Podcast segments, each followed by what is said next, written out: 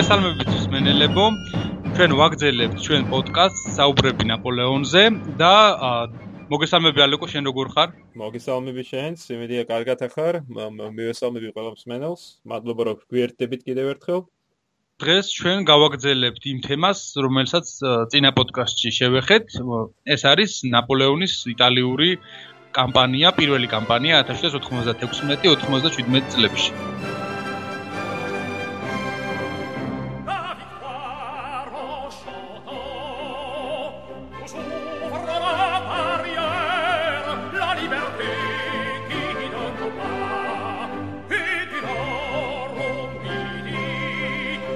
როგორც წინა პოდკასტში ახსენეთ, ნაპოლეონის წინაშე მთავარი ამოცანა იყო სამომარი მოქმედებების პირველ ეტაპზე მოწინააღმდეგეების ძალების ერთმანეთისგან დაშორიშორება.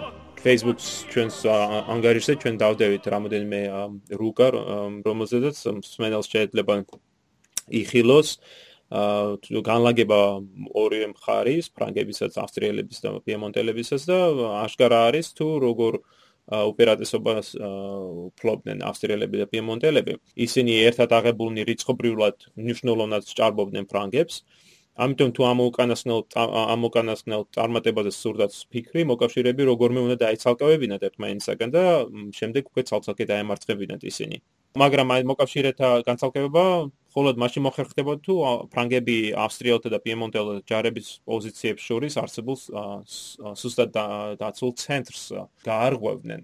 ამის მისაღწევად ნაპოლეონის წინამორბედმა ჯერ კიდევ შერერ გენერალმა შერერმა სხვადასხვა გენუის რესპუბლიკის სენატს მიმართა თხოვნით რომ გაეტარებინა ფრანგთა ჯარები მათ ტერიტორიაზე და რომ შეეტიეთ ავსტრიელებისათვის ბუნებრივია მოთხოვნამ მეტად უხერხულ მდგომარეობაში ჩააგდო გენუელები, რომელთაც ნეიტრალური პოზიციის დაკავება სურდათ და არც ავსტრიელების, არც პიემონტელების და არც ფრანგების ხარის დაჭერა არ არ უნდათ. მით უმეტეს ეს თხოვნა იმით იყო დამძიმებული, რომ ფრანგები კონტრიბუციასაც ითხოვდნენ გენუელებისგან, ანუ არა მარტო გაგვატარეთ თქვენ ტერიტორიაზე, არამედ გვაჭამეთ, გვასვი და კიდე ფული გადაგვიხადეთ აქითო. ფრანგების მოთხოვნამ, რომელსაც ნაპოლეონმა, როდესაც მან უკვე ფედერალობა აიღო ხელთ, მან ისევ გააგზავნა ეს მოთხოვნა. ამ მოთხოვნამ ბუნებრივია გენუელთა სენატი დააფრთხო და მათ დაუყოვნებლივ ავსტრიელთა და პიემონტელთა ხარეზე გადასვლა გადასვლაზე უბიძგა. ეს მოთხოვნა იმით არის მნიშვნელოვანი, რომ ჯერ კიდევ სანამ ნაპოლეონი ჩავიდოდა ჯარში და ჩაუდგებოდა მასათევეში, მისმა წინამორბედმა გენუელთა დასაფრთხობა და შესაშინებლად გაგზავნა ერთ-ერთი რაზმი, გენუის რესპუბლიკისათვის ნაპოლეონი უკვე ჯარში ჩავიდა უკვე ფაქტის წინაშე იდგა რომ მოთხოვნაც იყო გაკეთებული და ჯარიც იყო გაგზავნილი. და რის შედეგადაც როგორც წინა პოდკასტში აღნიშნეთ პიემონტელები და ავსტრიელები სწორედ საპასუხო მოქმედებებისაგან ემზადებოდნენ და ფაქტიურად კონტრშეტევას ამზადებდნენ. სამხედრო კამპანია დაიწყო აპრილის მეორე კვირას დაახლოებით 9-10 აპრილს და ნაპოლეონმა გამოიყენა ავსტრიელთა შეცდომები კონკრეტულად ის რომ გენერალმა ბოლიომ გენუელთა დასახმარებლად გადაანაწილა თავისი ჯარის ერთი ნაწილი, რითაც მან გაჭიმა ავსტრიელთა ძალები საკმაოდ გრძელ და მთაგორიან მანძილზე. ნაპოლეონმა გამოიყენა ეს შეცდომა და თავისი შემდგომი მოქმედებები სწორედ მათზე ააგო. პიემონტელების წინ მან გენერალ სერვირიას დივიზია დატოვა, ხოლო თვითონ ძირითადი ძალებით, დაახლოებით 22000 კაცით, ავსტრიელთა გენერალ არჟანტოს წინამდე დაიწყრა. ფრანგებმა გზა გადაუჭრეს ბოლიოს მიერ გამოგზავნილ გენერალ არჟანტოს შენაერს და სოფელ მონტენოტესთან გამართულ ბრძოლაში სასტიკად დაამარცხეს იგი. საინტერესო არის, რომ თუ გადავხედავთ ჩვენ ნაპოლეონ პირველი ორი კვირის ბრძოლებს, დავინახავთ, რომ ნაპოლეონმა შეძლო ეს თავისი ერთ-ერთი ძირითადი პრინციპის, რომელსაც ჩვენ საუბრობდით წინა პოდკასტებში, ძალთა კონცენტრაცია, ხომ და შემდეგ ცენტრალური პოზიციის დაკავება. სწორედ ამ პრინციპების განხორციელება მან შეძლო ამ პირველივე კვირაში. და ეს ნათლად ჩანს მონტენოტეს ბრძოლასთან დაწყებული ნაპოლეონის მიერ ჩატარებულ ბრძოლებში, სადაც მან მიუხედავად იმისა, რომ ფრანკთა ჯარი რიცხობრივად უფრო ნაკლები იყო მოწინააღმდეგეზე, ამ ბრძოლებში მან შეძლო დიდი უპირატესობის მოპოვება. მაგალითად, მონტენოტესთან ავსტრიელებს ავსტრიელებს ყავთ 4000 ადამიანი, ნაპოლეონმა შეძლო 16000-ზე მეტი კაცის მოთავმოყრა. შემდეგ ბრძოლა არის უკვე მილეზიმოსთან, შემდეგ მომდენო და ეს ავსტრიელებს გენერალი პროვერა რო ჩავარდოთ თქვა რა 2000 კაცი ყავს მას, ნაპოლეონის ყავს, ნაპოლეონის ძალებს ყავს 11000. შემდეგ კოსერიასთან ბრძოლა 13 აპრილს, ავსტრიელებს ყავთ, პიემონტელებს ყავთ 1200 კაცი, ფრანგებს 4000. შემდეგ 14 აპრილს დეგოსთან პირველი ბრძოლა, მოკავშირეებს ყავთ მხოლოდ 5400 კაცი, ფრანგებს 13000. და შემდეგ 15 აპრილს დეგოსთან მომხდარ მეორე ბრძოლაში აა მოკავშირეებს ასევე 4000 კაცი ყავს, ხოლო ნაპოლეონმა უკვე 16000 კაცი მოი თავმოყრა შეძლო. აი სწორედ ეს განაპირობებს ფრანკთა წარმატებას, რომ ნაპოლეონმა შეძლო თავისი მარშმანევრებით კონცენტრირება მოეხდინა თავის ძალთა უფრო დიდ ნაწილს, ვიდრე მათ მისმა მოწინააღმდეგემ. სხვათაშორის ამასთან დაკავშირებით აი არის ხოლმე დავა რომ ხშირად ამბობენ ნაპოლეონი საერთოდ წარმატებას აღწევდა იმით რომ უფრო მეტი ჯარისკაცი ყავდა კონკრეტულ ბრძოლებში ვიდრე მოწინააღმდეგეს და ამას უბრალოდ მიიჩნევენ იმიტომ რომ ნაპოლეონის არმიას თვლიან უფრო დიდად ვიდრე ზოგადად მოწინააღმდეგეს ყავდა. ხოლო სინამდვილეში ჩვენ ხედავთ კარგად მისი სტრატეგიული მანევრებიდან გამომდინარე როგორ ახერხებს ის კონკრეტულ ადგილზე უფრო მეტი ძალის თავმოყრას და არა ზოგადად უფრო დიდი ჯარი შეიძლება არ ყავდეს მას რომ დიდი ჯარი მოწინააღმდეგეზე მაგრამ კონკრეტულ ეპიზოდში ბრძოლისა შეუძლია თავი მოუყაროს უფრო მრავალი ცხოვან ნაწილებს და დაამართოს მოწინააღმდეგე. და ხშირად არასწორად განიხილავენ ამის გამო ნაპოლეონის სტრატეგიას და მიიჩნევენ რომ მისი წარმატების მიზეზი უბრალოდ არის მრავალი ცხოვნება მისი ჯარებისა. მართალი ხარ. თითქმის ყველა ბრძოლაში რაც მან იბრძოლა აი ბოლო უკანასკნელ წლებამდე ხომ აი რუსეთში ლაშქრობამდე მისი ჯარები როგორც წესი უფრო ნაკლებია შეიძლება დიდად ნაკლები არა, მაგრამ აი ახლა ვთქვა აქ განსხვება საგრძნობი არის, ხომ? მოკავშირეებს 50-ზე 1000-ზე მეტი ჯარისკაცი ყავთ უშუალოდ ჯარებში და დაახლოებით 5-6000 კიდე აა გარნიზონებში, სწორედ ჩრდილო და დასავლეთ იტალიაში, ხოლო ნაპოლეონის ჯარს თლიანობა თლიანად რო შეკრება 38000 წარი იქნებოდა. და აქედან უნდა დაეტოვებინა ხომ ზოგიერთი გარნიზონა და ზოგიერთი ხო ის ლოგი სურსაც ანავაგეს სვიზა ასე შემდეგ. მაგრამ აი მის შესაძლებელმა ნიჭმა რომ თავი მოეყარა ყოველ ბრძოლაში რომელიც ჩვენ აღნიშნეთ ძალთა უფრო დიდი ნაწილი ვიდრე თავის მოწინააღმდეგეს აი ცხადყოფს მის ნიჭს.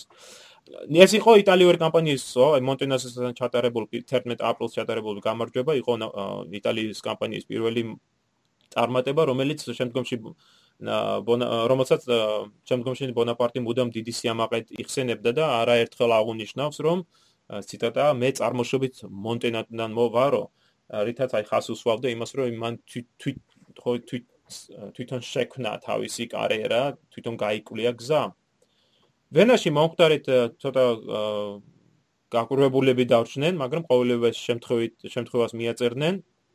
სხვა შორის თუ გადავხედავთ რუსი ელჩის რაზუმოვსკის მეტად საინტერესო პიროვნება ავენაში რუსეთის ელჩი.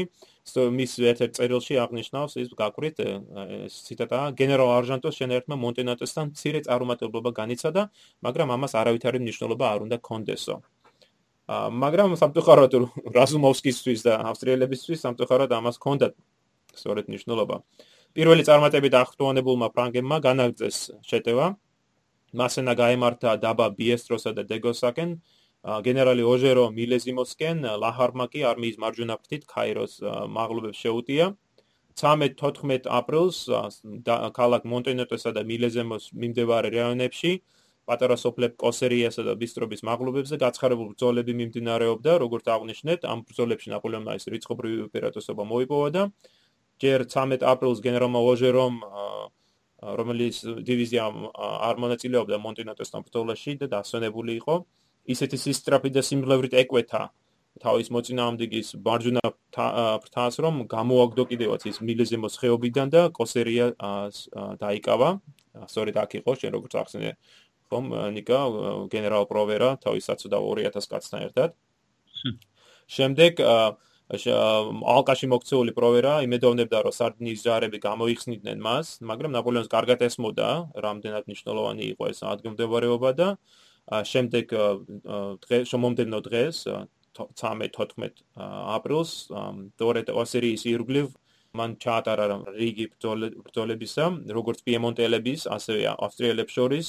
ეს როგორც აღნიშნეთ, იყო ბილიზიმოსთან ბრძოლა და დეგოსთან გამართული ორი ბრძოლა.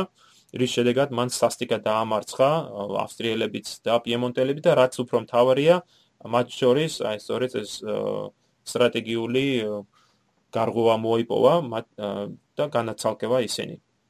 მოკავშირეთა თავარსარდალი გენერალი ჰოფელდმარშალი ბოლიო დაიბნა და გარკვეულწილად არიწოდა თუ რა როგორ მოემოქმედა რა როგორ პასუხი გაეცა ფრანკთა ასეთ მოქმედებებს ავსტრიელთა გენერალიტეტი სრულად არ მოელოდა მოვლენების ასეთ სწრაფ ამ ხას უსმენს სწორედ სწრაფ განვითარებას და მათთვის სრულად ახალი და გარკვეულწილად წარმოუდგენელი იყო აი ფრანგების ახალგაზრდა მთავარსარდლის მიერ ომის ასეთი სახით წარმოება.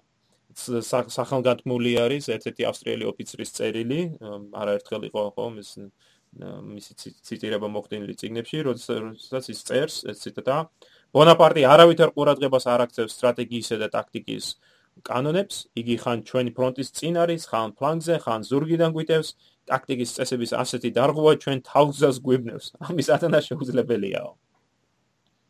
მეუხედავად იმისა, რომ ცირე დროში გამართულ ბრძოლებში ნაპოლეონმა ძირითადად ავსტრიელები დაამარცხა, მათი სამხედრო ძალა ჯერ კიდევ საბოლოოდ განადგურებული არ იყო. ამიტომ ლოგიკური იქნებოდა თუ ნაპოლეონი სწორედ ამ უფრო ძლიერ, მაგრამ და და ამ ამ მომენტისათვის დემორალიზებულ მოწინააღმდეგეს შეუტევდა და განდევნიდა მას. მაგრამ აი ნაპოლეონმა მიიღო საკმაოდ საინტერესო გადაწყვეტილება, რომ დაენებებინა თავი ავსტრიელებს და თავისი არმია სწორედ პიემონტელებისგან დაეძრა. ამის ამ გადაწყვეტილების ასახსნელად საჭიროა გავიხსენოთ წინა პოდკასტში ნახსენები ერთი მნიშვნელოვანი ფაქტორი ის რომ ნაპოლეონმა იწოდა საფრანგეთსა და პიემონტს შორის წარმოებული ეს საიდუმლო მოლაპარაკებები და მან ის კარგად უწყოდა რომ პირველივე წარუმატებლობების შემთხვევაში პიემონტელები მზად იყვნენ თავზე მოეწერათ ხელი საფრანგეთთან. და სწორედ აი აი მომენტში ეს პოლიეს ეს ვითარება გამოიყენა. პიემონტელების წინამდე ბონაპარტმა სამი დივიზია გამოყო, გენერალ მასენას, გენერალ ოჟეროს და იურიეს დივიზიები. ლაჰარტი ამჯერად ბოლიოს დარაჯობდა, ანუ ავსტრიელებს დარაჯობდა და ამიტომ დაბა სენ ბენედეტოსთან იდგა. ნაპოლეონის ბრძანებით ოჟერომ ჩევასთან გენერალ კოლის შეუტიო, ხოლო სერიურიემ და მასენამ მისი პოზიციების შემოვლა დაიწყეს. სწორედ აი აქ ჩანს მისი მანიოვრსულა დერიე ის სტრატეგიული ხო მანევრი რომელიც ჩვენ განვიხილეთ ამას წინათ და რომელიც ხო ფრონტალური დარტყმის გარდა ის თვითონ რომ ფლანგებიდან და ზურგიდანაც გავიდეს მოწინააღმდეგის წინააღმდეგ. აგ ეს გეცვალოს გენერალი ლუი კოლიზეც უნდა ეთქოს რომ საკმაოდ კარგი სარდალი იყო ეს პიემონტელების ჯარის კვალობაზე ხა ვიცით რომ პიემონტელთა ჯარი ჩამორჩებოდა. იმ დროინდელი თქვა ევროპის ქვეყნების სამხედრო სისტემას. თუნდაც ხა ფრანგების ფრანგებთან შედარებით საკვირველია პიემონტელები ნაკლებად გამოცდილი და ნაკლებად ძლიერი ჯარი იყო. თუმცა მაინც რადგან ამ შემთხვევაში ნაპოლეონსაც არ ყავდა ძალიან მრავალი სხვანი ჯარი, აუცილებელი იყო მათი განეიტრალება და თითქმის თანაბარი პირობები ჰქონდათ მათ. ძლიერ პოზიციებზე ყავდა გამაგრებული სოთაშორის გენერალ კოლის თავისი ჯარი და იქ დახვდა ფრანგებს, ასე ვთქვათ, თავდაცვითი ბრძოლას აწარმოა მათ წინააღმდეგ, მაგრამ საკმაოდ ისეთი შეუპოვარი ბრძოლა იყო და თავდაპირველად ვერც მასენა და ვერც ოჟერო დინარე ტანაროს გადალახვას ვერ ახერხებდნენ, ვერ გადავიდნენ ამ დინარეზე, მაგრამ სამაგიეროდ იგივე გაკეთება შეძლო სერიურიემ, რომელიც უფრო მოშორებით იყო ამათგან. ამიტომ გენერალმა კოლიმ ზურგიდან რა შემოევლოთ მისთვის, ანუ გარშემოვლა, მან შეამჩნია, რომ მოწინააღმდეგე ცდილობდა მათ ზურგში გასვლას, უკან დაიხია მეორე დღეს. და ასე ბძოლის განახლება მაინც ვერ გაბედა, იმიტომ რომ ძლიერ პოზიციებზე იყვნენ, მაგრამ 12000 ჯარისკაცი ყავდა უკვე ამ დროისათვის, 20000 ყავდა თავიდან და ამ დანაკარგს ვერ აინაზღაურებდა ვერაფრით გენერალი კოლი და ვერ შეძლებდა ფრანგებისთვის ძინაამდეგობას გაწევას, თანაც ეს ბოლიოც არ იძურიდა, ანუ ამ დასახმარებლად არ ჩანდა. გენერალ კოლის ამ დროისათვის 12000 ჯარისკაცი ყავდა დარჩენილი და იგი გასაკურველი ვერ გაბედავდა მოწინააღმდეგეზე ჩეტევის მიტანას. თანაც არც ბოლიო არ იძვრიდა ფეხს მოკლე თავის დაკავებულ პოზიციებიდან და ვერ ახერხებდა რომ დახმარებოდა. სწორედ ამაში მდგომარეობდა ეს ნაპოლეონის სტრატეგია ზუსტადაც რომ გაყო ეს ორი არმია ერთმანეთისგან და ისე უნდა გაენადგურებინა თითოეული მათგანი რომ მეორეს ვერ შეძლებოდა ვერ შეძლებოდა ამ პერიოდში დახმარებოდა თავის მოკავშირეს და ორი ბრძოლაში შეხვდნენ კიდე პიემონტელები ფრანგებს, ერთი იყო ვიკოსთან და მეორე მონდუისთან. ორივე ბრძოლაში ფრანგებმა გამოიმარჯვეს და ტურინისკენ უკან დახეულ მოწინააღმდეგეს ნაპოლეონმა კავალერია დაადევნა თავისი მცირერიცხოვანი კავალერი მიურატის მეტაურობით და ძალიან ძიმედ გომარეობაში ჩავარდა პიემონტ სარდინიის სამეფო ამით ცაველი არმია ფაქტობრივად განადგურებული იყო და მხოლოდ ძლიერი ციხესიმაგრეების იმედი შეიძლება და ქონოდა რომელიც საკმაოდ მრავლად იყო პიემონტში, თუნდაც ეს კონისა და კერასკოს ციხესიმაგრეები, თვითონ ტურინის ძლიერი ციხესიმაგრე იყო. თუ აქ შეასწრებდნენ ისინი და დააპირებდნენ ასე ვთქვათ, წინააღმდეგობის გაგრძელებას, ფრანგებს ალბათ გაუჭირდებოდათ კიდეც ალყითაღება ამ ქალაქებისა, რადგან საალყო არტილერია თან არ ქონდა და თანაც მრავალი ცხოვანი ჯარი სჭირდებოდა ასეთ ქალაქის აღებას და ხანგრძლივი ალყა. ნაპოლეონმა სხვა გზა გამონახა, რომ როგორღაც შე ეს აღარ არ მოხდარიყო, ანუ ეს ალყის წარმოება არ დასჭირვებოდა. აა სხვადასხვა ნაპოლეონის აღსანიშნავია, რომ მან ახალი ბიულეტინი გააკეთა გამარჯვებების შემდეგ და მიმართა ჯარისკაცებს. ჯარისკაცებო, ორ კვირაში თქვენ 6 გამარჯვება მოიპოვეთ და ხელთ იგდეთ მოწინააღმდეგის 21 დროშა, 50 ზარბაზანი, 15000 ტყვე და მოსპეთ მისი 10000 ჯარისკაცი. თქვენ ხელში გადმოვიდა პიემონტის უმდიდრესი რეგიონები, თავისი ციხესიმაგრეებით. თქვენ შეერ მწყურვალნი და ჩაუცმელნი იბძოდით, გაყალდათ ზარბაზნები, მაგრამ მაინც იმარჯვებდით. მადლობელი ვარ თქვენი ჯარისკაცებო, მოწინააღმდეგის ორი არმია რომელიც ცოტა ხნის წინ ასე ყოყოჩობდა, ახლა უკან მოუხედავად გარბის, მაგრამ მე არ დაგიფარავთ და პირდაპირ გეტყვით. ჯერ თქვენ ყველაფერი არ გაგიკეთებიათ და ბევრი რამ წინა გაქვთ. ლაშქრობის წინ ბევრი რამ გაკლდათ, ახლა კი ყველაფრით სავსე ხართ, რადგან დიდარი ნადავლი იგდეთ ხელს.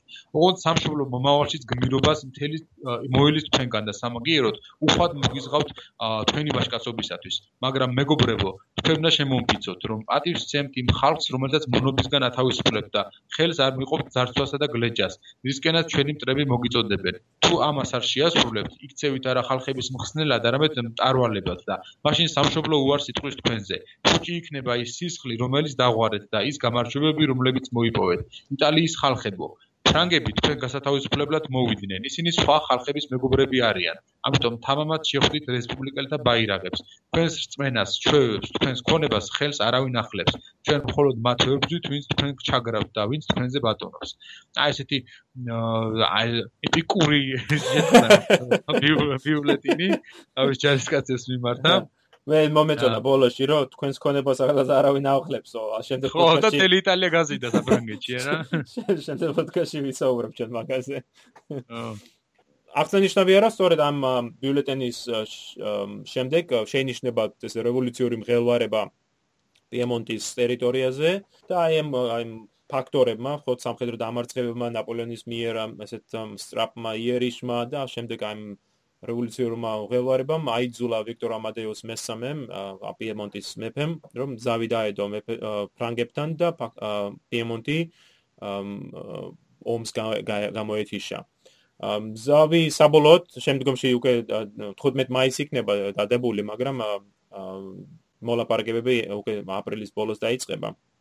ნიშნულოვანია ეს ზავი იმით რომ ის ფრანგებისათვის ბუნებრივია მეტად ხელსაყრელი იყო ვიქტორ ამადეუს ვალდებულებას იღებდა გამოსულიყო ფრანგული ანტიფრანგული კოალიციიდან. უნდა გადაეცა ფრანგებისათვის მნიშვნელოვანი ციხისიმაგრეები მათ შორის კონი, ჩევა, ალესანდრია და ტორტონა რომლებიც იწლებოდნენ პირველ ხარისხოვან რანგირების მიხედვით პირველ ხარისხოვან ციხისიმაგრეება და უფლებას აძლევდა ფრანგებს ასევე ჯარს ფრანგებს რომ ნებისმიერ დროს გაევლოთ პიემონტის ტერიტორიაზე და რაც თავარია და ორი რაზე გაგვეცინა პიემონტი ვალდებულებას იღებდა ფრანგებისათვის სურსესანოვაგეს მიწოდებაზე და სამხედრო კონტრიბუციის გადახდაზე. სამხედრო ისტორიკოსების აზრით ბონაპარტის ეს პირველი კამპანია, როგორც მას ანდახან უწოდებენ 6 გამარჯვება 6 დღეში, შეიძლება მიჩნეული იქნას ერთ დიდ ბრძოლად. აი და სწორედ ამ კამპანიის დროს ჩვენ ხედავთ ნაპოლეონის მიერ თავისი ამ პრინციპების, სამხედრო პრინციპების პირველ steps ჩვენ უკვე ვისაუბრეთ ჩვენ სტრატეგიული გარღვევის მიღწევას, ცენტრალური პოზიციის დაკავებას, ხო ფლანკირებას. ასე უნდა აღნიშნოს ის, რომ ნაპოლეონს სწამდა იმის, რომ ომი უნდა წარმოებული იყოს სწრაფად და არ უნდა მიგეცა მოწინააღმდეგებს საშუალება, რომ სული ამოესუნთქა ხო ეს გონს მოსულიყო და სწორედ აი ჩვენ ხედავთ ამას პიემონტელებსა და ავსტრიელებს განუწყვეტლივს ზდევნის, განუწყვეტლივს გადადის იერიშზე და არაძლევს მათ საშუალებას რომ დაისვენონ და ცოტა ცოტა გონს მოვიდნენ. მისი ძალები, ნაპოლეონის ძალები, სწორედ ამ გიბერის და ბურსეს პრინციპ ცნობილი პრინციპების საფუძველზე მოძრაობენ სხვა სხვა გზებზე და მაგრამ ყოველ მუდამ კონცენტრირებას ახდენენ იმ წერტილზე რომელზედაც ნაპოლეონის სურს ბრძოლის ჩატარება დამარცხებულ პიემონტელების 31 დროშა და მათთან მიღწეული დაზავების შეთანხმება პარიზში წაიღო პოლკოვნიკმა მიურატმა, რომელიც უკვე ამ დროისათვის იკვეთება როგორც ნაპოლეონის მარჯვენა ხელი. და დირექტორიას თავისუფლად შეეძლო ეს ხელშეკრულება განეხილა და ბონაპარტისთვის გაეგზავნა შემდგომი მოქმედების ვთქვათ რჩევები. მაგრამ თუნდაც ეს ეს თვითონ მიურატის პარიზისკენ მოგზაურობა და უკან დაბრუნება ცოტა დრო არ სჭირდებოდა, რამდენიმე დღე დასჭირდებოდა და ნაპოლეონი ალბათ იყენებდა კიდევაც ამ დროს, რომ დაესრულებინა ეს პიემონტელებთან ეს მოლაპარაკება, ეს დირექტორია როდესაც შეიტყობდა ამის შესახებ, სანამ ის გადაწყვეტილებას მიიღებდა და ასე შემდეგ, ის უკვე ფიქრობდა, რომ თავისი არმია მოეტრიალებინა ამ პიემონტიდან და წასულიყო მეორე თავარ მოწინააღმდეგის წინა წინააღმდეგ რომელიც იყო ავსტრიელთა ფელდმარშალი ბოლიო და გაენადგურებინა ეს იმნაირად როგორც პიემონტელთა არმია გაანადგურა. სწორედ ამ დროს ნაპოლეონის ერთ-ერთი კარასკოში არის ნაპოლეონი და მან გამოსცა ერთ საინტერესო ბრძანებას ეს წერს. ჯარისკაცებო თქვენ კიდევ ბევრი საქმე დაგჭირთ გასაკეთებელი. არც ტურინი და არც მილანი აღებული არა. ამბობენ რომ თქვენ შორის არიან ისეთები რომელთაც ვაშკაცობა შეუსუსტა და აპენინების და ალპების წოროლებებზე დაბრუნებას ამჯობინებენო მე არ შემილია ეს დავიჯერო. მონტენოტეს, მილეზიმოს, დეგოს, მონდოვის ბრძოლებში გამარჯვებული სურვილი სწავთ, რომ უფრო შორს მოფინონ ფრანგიერის დიდება. დიდებულია? ო, თანაც აი სიტყვებით ნაპოლეონმა რომ თქვა ამ დროს ჰანიბალმა ალპები გადალახა, ჩვენ კი მათ შემოუვარეთო. დამძილად შემოუარეს და ეხლა უკვე მიეშორებიან დინარე პოსკენ, სადაც ავსტრიელებმა შეძლეს ძლიერი პოზიციების დაკავება და იმედოვნებდნენ რომ მიუხედავად იმისა რომ აპრილში მათ საკმაოდ ნიშნულოვანი დამარცხებები განიცადეს მათ შეძლებენ ნაპოლეონის შეჩერებას მდინარე პოზე და შემდეგ მაისის ბოლოს ივნისის დასაწყისში ელოდებიან დამატებით ძალებს ავსტრიიდან თოთა დახმარებით იმედ იმედ დიდი იმედია ყოველ შემთხვევაში რომ მათ შეძლებენ ფრანგთა უკუგდებას მაგრამ ეს ყველევე იქნება უკვე ჩემი შემდეგი პოდკასტის საგანი და ჩვენ გემშვიდობებით ახლა